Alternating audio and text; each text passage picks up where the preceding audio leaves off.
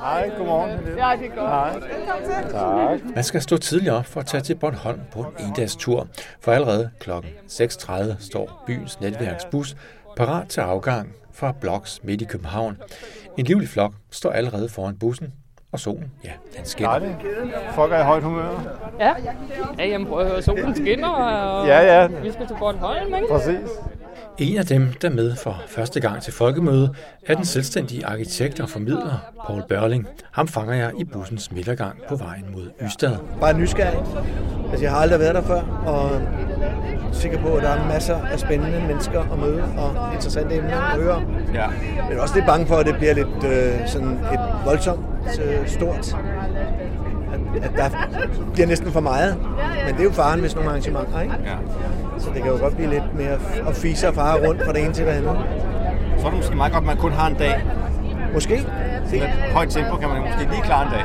Ja, ja. Det kunne godt være, ja. Jeg har ikke, øh, jeg må indrømme, jeg har ikke øh, nærstuderet programmet så meget. Så jeg er sikker på, at man møder en masse mennesker, man kender også, som der også lige skal være tid til at hilse på. ja fordi En anden deltager er direktøren for Fonden Billige Boliger, Line Rotting Dornan. Da vi taler sammen på færgekajen i Ystad, ser hun især frem til at møde politikere, der også har et fokus på at få bygget flere billige boliger. Første gang til folkemøde. Jeg er første gang til folkemøde. Og hvad, hvad, hvad vil du gerne have ud af det? Det er noget inspiration og noget... Ja, så se, hvad det er for noget. Og opleve stemningen. Men inspiration til, hvad der er, der sker i verden, og hvad det er, folk tænker over, hvad det er, der bliver talt om. Og lidt bredere end byggebranchen. Også lidt bredere end byggebranchen. Det gør ikke noget. Og så skal jeg selv være med i et debatindlæg omkring billigboliger. Sammen med Sofie Hestrup og Jakob Nesser og Hans Bo Hyldig. Så det var også en af grundene til at komme over. Ja. Er det så godt at få masseret nogle politikere i den her sammenhæng? Det kunne man godt tænke, ja. Det tror jeg ville være rigtig godt. De sidder med mange af nøglerne til, at vi kan lykkes med mange ting nu. Ja. Så, så det kunne godt være, at man kunne støde ind i det rigtige på folkemødet. Snakke lidt med dem. Efter færgeturen står en ny bus parat, der klarer turen ud af Rønne og gennem det bølgende landskab til folkemødets epicenter, Allinge. Eller Allinge Sandvig, som folkemødet strækker sig imellem. Arkitekt Anders Lennager står ud af bussen som en af de første. Men hvad, første gang Nej. til folkemøde? Nej, det er det ikke. Du er en veteran. Jeg vil ikke sige, at jeg er veteran, men jeg har da været her nogle gange. Ja. Så, øh, men, men, Han er øh, med, fordi han skal tale om bæredygtig byggeri, og vi følges ned ad gaden fra busholdpladsen ned mod selve Allinge, der hvor folkemødet begynder at summe af liv, og hvor også blæsten summer let i mikrofonen. Ja. Synes du så også, du selv du tager nogle sådan aha-oplevelser med hjem, hvor du tænker, hmm, det aspekt havde jeg faktisk ikke selv lige tænkt over.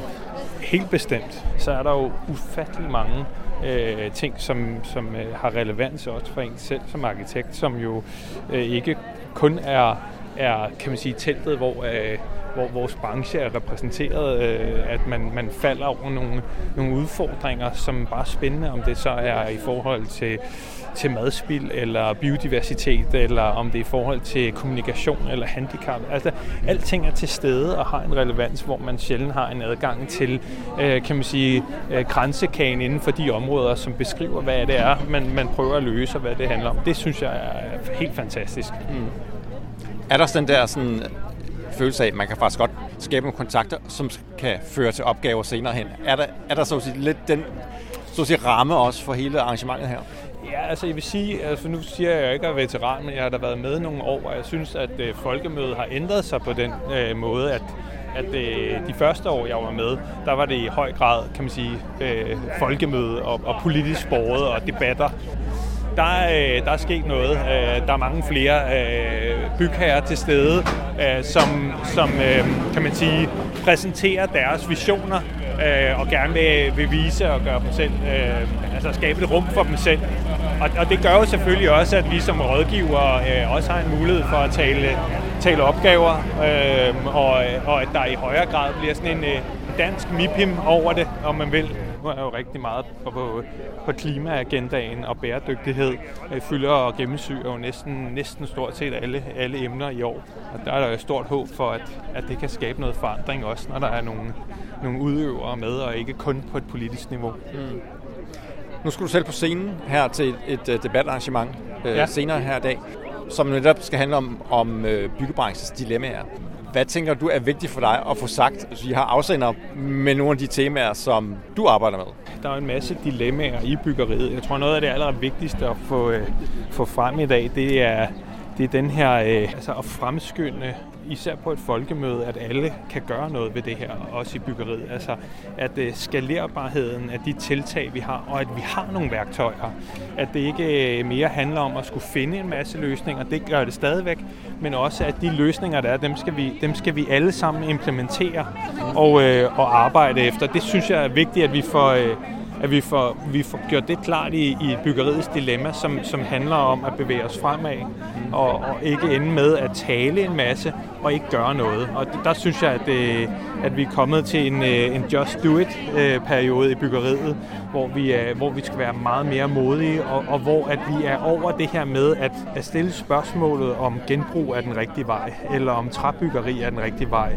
Og derfor så er, er bæredygtig byggeri i min optik lige rundt om hjørnet. Og det, det kan man sige kan både sikre noget for planetens øh, overlevelse og acceleration af omstillingen, men, øh, men absolut også for vores egne arbejdspladser. Så er det ekstremt positivt. Ja. Nu står vi her ved sådan en indgang til folkemødet, er på vej ned mod havnen. Har du sådan en rute, du lige skal igennem? Jeg plejer altid lige at gå ned, øh, ned til havnen, og så starte derfra, så bevæge, bevæge mig ned af, af Folkealléen. Så har vi lidt stop her. Vi har, vi har møde, at være heldige at få møde med, med vores, øh, vores byggeminister som jeg kalder ham, og øh, han er jo ny, så jeg er spændt på at møde ham. Og så øh, skal jeg, som, som du var inde på, så skal jeg være med til det her byggeriets dilemmaer senere. God fornøjelse. Tak skal du have. Det er ikke kun Anders Lennager, der tager til Bornholm for at tale om bæredygtighed. Det er temaet ved en lang række af delarrangementerne. Og så står der på selve festivalpladsen også et helt hus, sådan i kategorien Tiny House, og en af dem, der er taget til folkemøde for at vise dette nye boligkoncept frem, er Rasmus Tavn. Og hvad hedder du med Rasmus? Rasmus Tavn. Rasmus T-H-A... T-A-U-N. Okay, ja. Yes. Han repræsenterer Studio Home, der bygger billige mobile studieboliger, og han inviterer publikum inden døre for at vise boligen frem. En lille ekobolig, hvor der dog også er tænkt fællesfaciliteter, eller et kollegie med ind. Ja, altså der er også fælles køkkener tilknyttet her faktisk, så du har også muligheden for ligesom at være en del af fællesskabet, eller hvis du har en travl studieperiode, så kan du også trække tilbage og ligesom være der, være der selv. Ikke? Mm. Ja. Altså, nu står vi jo i sådan et, et rum, som ligner en container udefra. Ja. Er det det? Det er det ikke, nej. Det er en øh, bæredygtig studiebolig, hvor man viser, hvor vi viser, hvordan man kan bo øh, kompakt på, på ret få kvadratmeter, og stadigvæk få ret meget ud af det. Ja.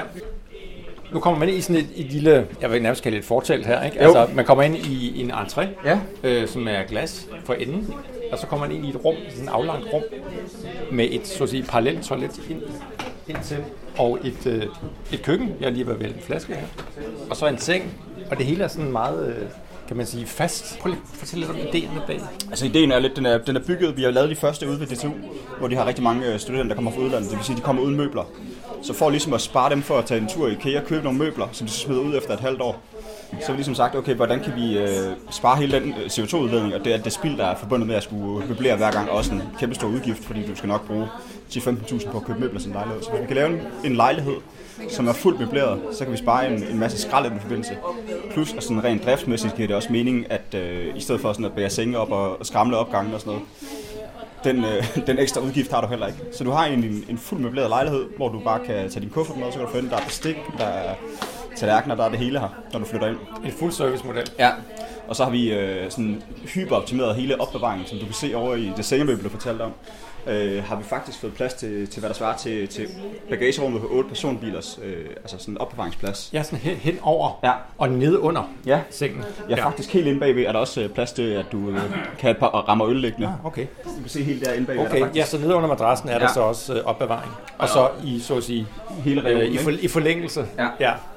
Og på den måde så er vi også ligesom, øh, altså det er jo normalt er det obligatorisk at skulle have et kælderrum, men fordi vi ligesom har bygget opbevaringspladsen ind i bygningen i stedet for, så kan du også spare den CO2, der vil være ved at skulle grave ud til kælder og stykke betonfundament, som er utrolig altså sådan, omkostningsfuldt på klimaet. Ja.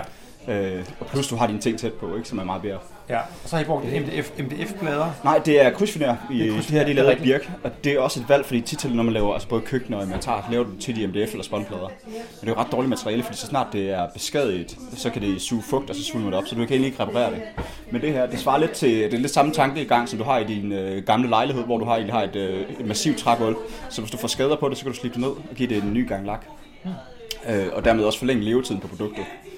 Og vi har så, øh, jeg kommer fra den virksomhed, der hedder Styga, hvor vi har lavet øh, altså sådan, øh, møblerne, som vi har produceret øh, her i Danmark, og hele den teknologi, der gør det. Og, øh, og sammen med møbler, så kommer der også en øh, digital tvilling, så vi har en digital kopi af hver enkelt bolig. Så viseverden kan gå ind og scanne en QR-kode, øh, som sidder ude i teknikskakten, og så kan han genbestille ting, øh, en ny låge eller en skuffe, hvis der er noget, der går i stykker, og dermed også forlænge øh, produktets levetid og spare en masse omkostninger for de studerende. Så vi sådan prøvede sådan at hyperoptimere sådan, ja. både driften og sådan økonomien i det, men også øh, altså sådan minimere klimaimpactet Ja. på at skulle skifte køkkenet ud. Ja. Vil du afsløre, hvad det koster at producere sådan en enhed her? Og jeg tror, den ligger til, til 14.000 per kvadratmeter, cirka. Så det er, det er ret billigt. Øh, og så koster den 5.000 i husleje, og som studerende så kan du få boligsikring, fordi at der, der er fuld køkken herinde. Så den ligger sådan til omkring 4200 effektivt. Har I fået det afsat? Har I fået etableret jeres første? Vi har bygget de første 1000 af dem, øh, så de er, de er fuldt afsat og fuldt udlejet også. De er meget populære. Øh, De ligger ude ved DTU ved deres campus i, øh, i Lundtoft og i Ballerup. Vi skal til at bygge de næste 200 i Aarhus. Så der, er- der er ret stor efterspørgsel på dem. Jeg har ikke problemer med at afsætte det. Nej, øh, vi har altså også en, vi har en god aftale med, med Pension Danmark, som ligesom er dem, der går ind og investerer i. Og de, der er jo ret stor efterspørgsel fra unge studerende, der gerne vil have noget, noget billigt øh, og noget, noget godt at bo i. Øh, så det, det er ikke noget problem. Siger, jamen nu bygger man jo så nærmest en by, så nu, Ja. nu fægter jeg sådan det her for at lave anførselstegn. Ja. Men øh, vil man kunne flytte byen? I princippet kan du godt tage modulerne og skille dem fra hinanden igen, og så flytte det et andet sted hen. Og sætte det op der, hvor det, det giver mening. Så hvad, og levetiden 30 år, er det sådan målet? Ej, jeg tror, de kommer til at ligge der længere tid, men 50-100 år. Altså det er jo bygget, så det også kan repareres, så du kan forlænge levetiden på det. Men typisk arbejder man med en sådan 30-årig højst investeringshorisont og sige, okay, det skal give mening inden for, for den år. Mindre end 100 meter fra Studio Home-huset, der er finansieret af Pension Danmark, finder man det sociale telt, hvor en af de 2.500 debatter, samtale eller live-interview-arrangementer finder sted. Og det tænker jeg, det, er- det er jo, nu nu kommer jeg lige fra en debat over ved, øh, ved BL, hvor det også handlede om, at entreprenørerne behandler deres lærlinge af helvede til, og så øh, sker de på arbejdskraft. Ikke? Og det er jo også et, et sted at starte, jamen altså, tag godt imod dem. Tag godt imod de unge først og fremmest. Øh, så får de også et ejerskab til det, der foregår. Temaet her er, hvad byggeriets rolle er for de kommende års udvikling af byområderne, hvor netop Pension Danmark, Domea, Ine Mærker Petersen og A. Indgaard er repræsenteret. Charlotte Heitmann er projektleder for byg- og renovering hos DRB, og hun var med som tilskuer. Hun tog nogle af budskaberne fra debatten med sig. Hvad synes sådan var fodaftrykket, der stod tilbage? Jeg ved også, du var engageret med et spørgsmål.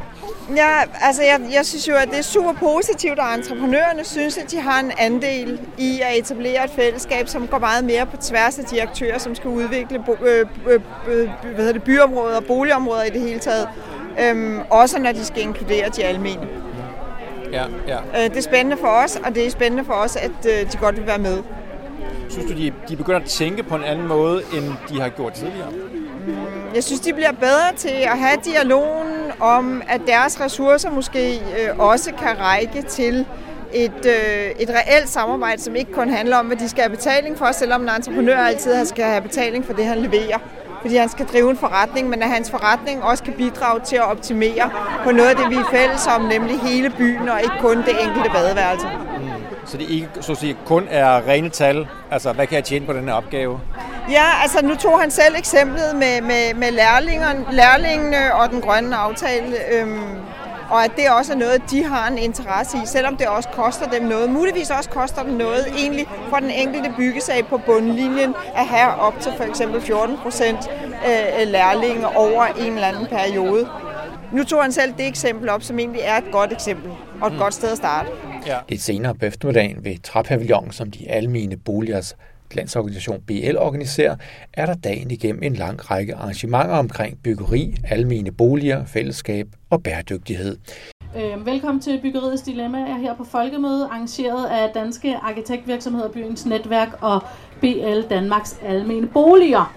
Udenfor ved domen, som træbygningen kaldes, er der også forsamlet seks paneldeltagere, der skal løse nogle af byggeriets dilemmaer ud fra nogle cases. Øh, øh, I skal løse dilemmaer. Jeg er meget spændt på, rigtig sikker på, at I er rigtig gode til det. Verden er Sara Bro. I panelet sidder Christine Viren, formidlingschef i Videnscentret Bolius, samt Anders Landager fra Landager Group. Tredje jul er Bornholms borgmester, den konservative Jakob Trøst, der skal svare på det dilemma, når et ægtepar er uenige om, skal de rive det hus ned, de gerne vil købe, eller skal de beholde det og i stedet renovere det? Det er et dilemma, som Bornholms regionsborgmester kender ret godt. Han har netop selv renoveret sit hus. Jakob? Jeg vil bare lige sige, at jeg tror ikke, øh, jeg havde fået lov til at renovere i to år, hvis jeg havde haft kone og børn. Det er nok de færreste, der har tålmodighed til at gå i sådan et byggeprojekt i flere år. Så det tror jeg også er en af årsagerne til, at man vælger den nemme løsning og siger, at vi vil gerne have sådan et typehus, det skal se sådan og sådan ud. Øh, det er simpelthen fordi, at øh, ja, familien den skal hænge sammen. Og det er også det, familien jo spørger her til, hvordan får vi tid til det. Christine, du markerede også. Jo, men jeg tænker på, nu, vi har jo ikke set huset, og det kan faktisk godt være, at hendes billede på, hvad et nedrivningsmodet hus er, er noget andet, end det vi synes er, fordi vi ser næsten Nå, men det er hende, der gerne vil beholde det, ikke? Det er Nå, ja, han vil gerne, ja, men de vil gerne gøre rigtig meget ved det, ikke? Jeg synes, der er en- helt klart en tendens til, at folk, når de køber et nyt hus, enten river de ned, eller også får de lavet alting om. Og det, øh, vi, vi går jo og råder folk til, prøv nu lige at bo der et år, fordi det kan godt være, at det der køkken ligger det rigtige sted, og du ikke lige skal flå alle de her vægge ud. Og det er også grotesk, når vi tænker på, at i Danmark, der har vi kun et køkken i 11 år i, øh, i gennemsnit. Så river vi det ud, så der er altså rigtig mange ting, der bliver revet ud i vores boliger, som fungerer helt fint. Altså, jeg, jeg bliver nødt til at komme med en lidt personlig anekdote her, fordi øh, Det er jo også... Øh, det er jo ret personligt det Også her. dilemma-panelet. men men øh, for fem år siden, øh, der var jeg ude og kigge på, på hus til familien. Øh, og øh, vi skulle lidt væk fra byen, og det har jeg lige argumenteret imod, at det var ikke så bæredygtigt. Og, øh, og der kommer vi så til det her hus, og ejendomsmaleren, en 21-årig, meget pæn ejendomsmaler pige, siger, det her, det, øh, det skal bare jævnes med jorden. Og jeg står og kigger på det der hus fra, fra 88, og så kigger jeg på hende, og så tænker jeg, okay, altså, de, de er næsten samme alder. Øh, og jeg tænker, det er rimelig vildt, altså, øh, det ser okay ud, begge dele. Og øhm, Det skulle du have sagt til hende. det, ej, det, Det det skulle tror du jeg ikke Min kone var også med jo. Men, øh, og andre årsager også skulle du heller ikke have Præcis. sagt det. Det er et helt andet program. Men jeg vil sige, noget af det mest... Ja, præcis. Det tager vi ikke her. Noget af det mest bæredygtige, vi har gjort, det er, at vi købte det netop fordi det ikke skulle ryge i nogle hænder, hvor de rev det ned. Og jeg bor i det grimmeste hus, man overhovedet kan forestille. Så er der ingen på vejen, der tror på, at jeg er arkitekt. Det er ret vildt at komme hjem til, og det er sådan en selvtortur, jeg kører hver dag. Yes, vi sparer CO2, og jeg beholder det. Og der er vi stadigvæk. Er det med vilje, du har gjort det? Ja, det er Har du det. fået klapsalver her? Ja. Det. Det er, er et gammelt Glenarisøhus, som er, altså der er ikke et materiale i det, ikke en fiber i det hus, der er noget værd i virkeligheden, men vi kører. Kører, og det fungerer fint. Ja, jamen det fungerer jo, men det er bare, når man begynder at tage noget ud af det, så kan man også se den her, altså det er, jo det, det er jo de første typehus, det er derfor jeg lidt basher på noget af det, der bliver bygget nu. Altså kvaliteten er så lav, så hver gang du skraber noget af det, så er det bare så dårligt. Altså det er 75 mm gasbeton, der bærer hele huset, og det stoler vi på bliver der. Men, men og alting er bare ikke særlig høj kvalitet, så man har ikke lyst til at beholde det. Og det er jo netop det, når vi investerer i kvalitet, så de næste, der overtager det, er den langsigtede liv for bygningen. Det er den, der skaber den bæredygtighed, og det, det er det, der er værd at gå ind i øh, og, og, og, og værdsætte. Men nu beholder vi det, som det er. Men når du siger det på den måde, så kunne det jo godt lyde som om, at du ligesom appellerede til, at man så rev noget gammelt lort ned i dårlig kvalitet og byggede noget nyt op i god kvalitet, der så kunne holde i mange, mange år. Jeg tror, jeg appellerer til, at det, der er der, det er et rum, en kvalitet, man som arkitekt, det er derfor, vi er blevet arkitekter, det er ikke for at gøre noget, der er pisse lækkert bedre. Det er for at tage noget, der er en udfordring af et problem, og så skabe kvalitet og rum og, og, og kultur ud af det. Og det er det, vi kan. Så det er derfor, vi skal beholde det, øh, for at spare CO2, men også at skabe noget smukt ud af det. Okay, tak skal I have for den her runde. Og dilemmaer, ja, dem er der nok af i byggeriet. For eksempel også spørgsmålet her fra en bekymret borger i Aarhus, Rie hedder hun, som gerne vil vide, om det er rigtigt at bygge byerne ud i vandet i bæredygtighedens navn. Det skal panel 2 så svare på. Det er udover Anne Mette Bøje, stadsarkitekt i Aarhus, også Anne-Katrine Harders, programleder ved Dansk Arkitekturcenter. Men det er lidt et spørgsmål i samme ramme, og derfor kunne jeg godt tænke mig at høre panelets holdninger til, hvad der er mest rigtigt, når vi snakker bæredygtig udvikling. Er det bedst at bygge byerne ud i vandet og dermed måske forstyrre havets økosystemer? Eller er det bedre at fortætte byerne og bygge i højden? Kan I ikke lige bare lige sige, om I egentlig er øh, ude i vandet eller højhus? Hvis I skal vælge mellem de to ting, kan I ikke lige bare tage en runde og sige det, Anne-Katrine? Altså, det tør jeg på ingen måde at svare på. Okay. Altså, hvis man udtaler sig om, at man er for Lynetteholm, så skal man have sikkerhedsvagter bagefter. Øh, Anne det er jo, der, det er jo dit område. øh, og du, du skal jo bare... Øh, det er jo ikke bindende noget af det, du siger her. Men hvad synes du egentlig? altså, hvis vi, jeg tænker jo på Rie her, som stiller det her spørgsmål. Ja. Og øh, jeg synes i grund, bund og grund, at spørgsmålet stilles forkert, når vi taler, taler om den bæredygtige byudvikling. Fordi det, jeg tror på, det er, at vi skal bruge den, den by, som vi har, og vi skal bruge øh, de eksisterende infrastrukturer, som vi har, de eksisterende boligområder og også erhvervsområder, og begynde at fortætte dem. Men vi skal fortætte dem på en måde, hvor vi har bykvalitet aller, aller øverst på, på dagsordenen. Så det der med at sige, at vi skal bare bygge højhuse, jeg synes ikke bare, at vi skal bygge højhuse. Det er ikke min, det er ikke min løsning på det. Det er heller ikke nødvendigvis min løsning at, øh, og sige, at vi skal bare have en øh, meget stor havn ud i, i bugtrummet, som, altså uden at have nogle hensyn, som knytter sig til den landskabelige læsning. Og jeg tror, det er noget af det, som vi nogle gange glemmer. Øh, vi kommer til at tale rigtig, rigtig meget kvadratmeter, men øh, jeg tror, Rie, hun er meget mere interesseret i at vide også, hvordan, hvordan opleves det her, hvordan, øh, hvordan bliver det for mig? Og det glemmer vi altså at tale om, når vi, øh, når vi har de her meget store dilemmaer. I panel nummer to sidder også Christian Wirtz, direktør for Brabrand Boligforening og tidligere rådmand for teknik og miljø, børn og unge og beskæftigelse i Aarhus Kommune. Og så er han socialdemokrat. Han mener, at vi i fremtiden godt kan bo lidt tættere sammen i byerne. Så derfor skal vi være meget bedre til at, øh, at, at bygge nyt, øh, som er til at komme til, og vi skal være meget bedre til at, øh, at renovere, så vi får flere boliger, som er tilgængelige. Og hør, tusind tak til jer alle fem, fordi I var med her til at tale om byggeriets dilemmaer. Det var dejligt at have med. Efter at panelet med Sara Bro er overstået, vil Boligforeningsdirektør Christian Wirtz gerne uddybe, hvad han mener om at skabe stærkere fællesskaber mellem beboerne i den boligforening, han repræsenterer. At det er noget, vi er nødt til at være mere øh, altså mere strategisk omkring. Der er flere og flere, der kommer til at bo alene, øh, som ikke har folk omkring sig øh, hvad hedder det, på, på deres bopæl til daglig. Øh, det er derfor, at noget af det, jeg snakke om her, det var det der med, med, med at have fælles lokaler, fælles arealer, øh, fælles huse, fordi at, øh, man skal også have nogle steder, hvor man kan mødes øh, hvad hedder det, på neutral grund, nogle gange, hvis de, hvis de fællesskaber de skal fungere. Ja, og de steder, hvor, øh, hvor vi har øh, fælles der, der bliver de også brugt godt, og jeg synes virkelig, der er tegn på, at de steder, hvor vi ikke har dem, at, øh, at det gør ikke noget godt for vores afdeling og liv. Øh, det der med at have noget fælles, så er der også nogen, der, der om jeg så må sige, tager den. Enten det nu er en, en mandeklub om torsdagen, eller at man mødes til faste lavn. Mm. Ja. Hvad hvad er de gode eksempler, når du sådan, der, hmm, har du sådan en vis... Øh... Jamen, et af de fineste eksempler, det er, at, øh, at noget af det, der har været allervigtigst for en af vores afdelinger i, i Gellerup-området, Tobusøj, det har været at få restaureret øh, deres gamle øh, slidte beboerhus i laden. Nu er det etableret øh, og har været med til at engagere en hel masse de lokale beboere.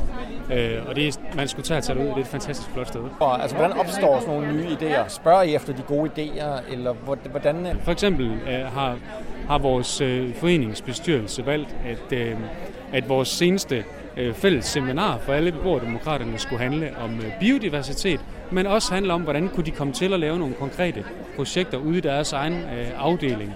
Øh, for eksempel omkring øh, fælleshaveprojekter og den slags. Så på den måde prøver man at, vi at bakke op, men, men det lever kun, øh, hvis det er de lokale beboere, der, der, der driver det. Det skal være folks egne idéer, ellers så, ellers så dør sådan nogle ting for, for hurtigt død.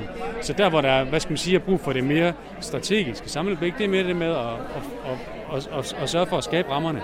Og det er derfor, jeg i debatten lige, lige før øh, bekymrer mig over, at, øh, at det nogle gange er de rammer, vi sparer væk, fordi at vi har en, en meget snæver økonomisk ramme at bygge indenfor. Vi skal have lejlighederne. Fælleshuset kan man undvære. Men det er ikke den langsigtede og bæredygtige måde at lave by på. Og slet ikke, når vi skal lave afdelinger og lokale øh, samfund, hvor flere og flere bor alene. En anden slags fællesskaber er dem, der over de kommende år opstår i kvarterer, hvor der allerede er blandet ejer- og lejerformer. Dem kommer der flere af, når man for eksempel i Tænkbjerg i København får tilføjet nye ejerboliger. Her kan kunsten komme til at få en rolle som brobygger mellem de forskellige typer af beboere, og det er noget af det, som Copenhagen Contemporary, Københavns Internationale Kunstcenter, arbejder med. De præsenterer på folkemødet et afsluttet projekt, hvor kunstnere har skabt dialog og nye forståelser i et udfordret boligområde på Nørrebro i København.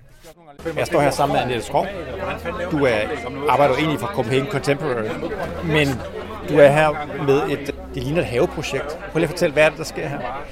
Ja, haveprojektet er en bid af det. Men faktisk er der, er der øh, mange flere projekter, som alle sammen er kunstnerisk øh, initieret, kunne man sige.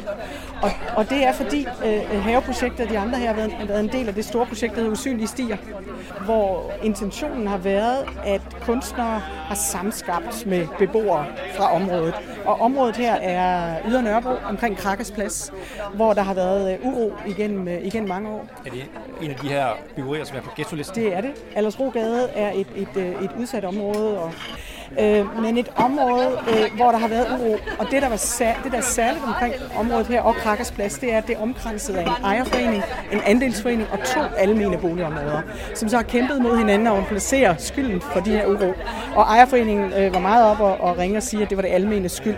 Så der var rigtig en brændende platform for at tage fat i et projekt. Og det blev så usynlige stier, hvor kunstnere så har arbejdet med at skabe. Og der, der er haven et rigtig godt eksempel på et projekt, som, øh, som drives nu øh, i en af de her gårde, øh, på det der tidligere bare var en kedelig græsplæne, og nu faktisk er blevet et, øh, et opdyrket område med en pergola, et mødested og fælles spisning forleden dag med kæmpe mange deltagere. En haveforening, kunne man kalde det, med, med deltagere fra alle de forskellige boligtyper. Er det her sådan et slags diplomatisk fredspibeprojekt? Nej, tværtimod vil jeg sige, altså jo i virkeligheden også et projekt, der er interesseret i konflikt. Og det tror jeg er vigtigt, når man taler om, om den her slags projekter i dag, at det er jo også noget, det kunsten kan hjælpe med, at, at lad, os, lad, os, øh, lad os skabe noget i fællesskab, og, og mens vi gør det, bliver vi måske opmærksom på, at vi er uenige, men vi bliver også opmærksom på, at vi kan godt skabe noget, og vi kan i virkeligheden godt eksistere sammen. Og, og det vi også ser her er et stort, sådan stort picnic-tæppe, der illustrerer en lejlighed i området. Ja, det, er så blevet brugt det, for... ligner, det her ligner et stort patchwork-tæppe. Ja, ja, og det afspejler faktisk en til en model af en lejlighed i boligområdet her. Og kunstnergruppen, som arbejdede med det, tog så også fat i de her dagligdags genstande, som er med til at definere vores hjem. De nøgler, øh, for eksempel, og øh, lavede afstøbninger af dem sammen med beboerne. Og det, det åbnede jo så op for en samtale om, hvad hjem er for en størrelse. Og for mange af de mennesker, som har deltaget i det, står de jo over for at skulle øh, bo i et andet hjem lige om lidt, fordi at området omlægges og, og ingen ved helt, hvad der kommer til at ske, men, men i forlængelse af ghettoloven er det jo så formentlig noget med en fortætning, som kommer til at ske her. Og det er der mange af beboerne, der ikke har deltaget i demokratisk, men det begynder de jo at bede om at gøre nu. Hvad er du særlig stolt, særlig stolt af ved at have været en del af det her, hvis du skulle summere lidt op sådan på tværs af de her erfaringer? Vi har i hvert fald som kunstinstitution lært rigtig, rigtig meget om, hvordan, øh, hvordan kunst jo bliver når man arbejder med kunst baseret på deltagelse, som vi altid gør, hvordan det så er en direkte vej til en øh, demokratisk samtale og til en, øh, ja, en, en måde at øh, lære hinanden at kende på. Og at den måde bliver styrket af, at vi som institution holder bytte og øh, inviterer og lytter og deler øh, og, øh, og også tit øh, flytter os fra Refshaløen, hvor vi er til huse, og faktisk er til stede øh, her, hvor, hvor, øh, hvor mennesker bor, og arbejder med kunst der. Og at vi så gør det gennem både workshops og også laver ture ud til kunstcentret, laver klubber, som bliver ved med at køre, inviterer nogle af de unge ud og fortsætter ud hos os. Altså hele det her med at bygge broen gennem, mellem, øh, mellem kunstens rum, traditionelle rum, og så der, hvor mennesker bor, giver rigtig god mening. Og det har projektet her styrket. Så har det også lært os, at øh, det er vigtigt at finde steder, hvor vi kan diskutere, og, og hvor konflikter kan rulle. Øh, fordi der kan man jo godt nogle gange som institution være god til at pakke den slags væk og ville kontrollere alt. At det giver rigtig god mening ikke at gøre det. Og, øh, og det kan man jo også godt bruge som kunstinstitution altid som afsæt for at, øh, at være et meget mere interessant sted. Både for dem, der er vant til at, at begå sig i kunstens rum, og, og den meget store del af befolkningen, der ikke gør det. Vi ved, at der er, en, der er en sammenhæng mellem, hvor meget børn og unge har adgang til kunst og kultur, og så den uddannelse, de får, og den, den plads, de får i demokratiet, og, ja, og magten, kunne man sige. Ikke? At der, der kan man faktisk bruge kunsten til at styrke medborgerskabet og, og indflydelsen. Så det skal vi blive meget bedre til. På slaget 18 forandres folkemødets seriøse tilbud til fri leg og underholdning. Foran domen står politikommentator Peter Mogensen og spiller rockgitar ved den radikale europaparlamentariker Morten Helve Petersen på trommer. I selve domen vender Jørgen Demilius plader og laver popquiz. Og i telt i nærheden danses der arabisk folkedans. Og så kan man også lige slutte dagen af med en omgang drag bingo. Det er mit første folkemøde, det her. Ja. Aldrig har jeg set så mange djøffere på et sted. Bortset fra sidste lørdag i mit soveværelse. Ja. Og da klokken bliver 9 om aftenen, ja, så suser byens netværks bus afsted fra Allinge for at nå den sidste færge for Rønne. Og skulle du få lyst til at tage med på folkemødet i næste år, ja, så kan du være næsten sikker på, at byens netværk igen sender en bus afsted. Mit navn er Lasse Sol Sunde. Tak fordi, at du lyttede med. Vi høres ved.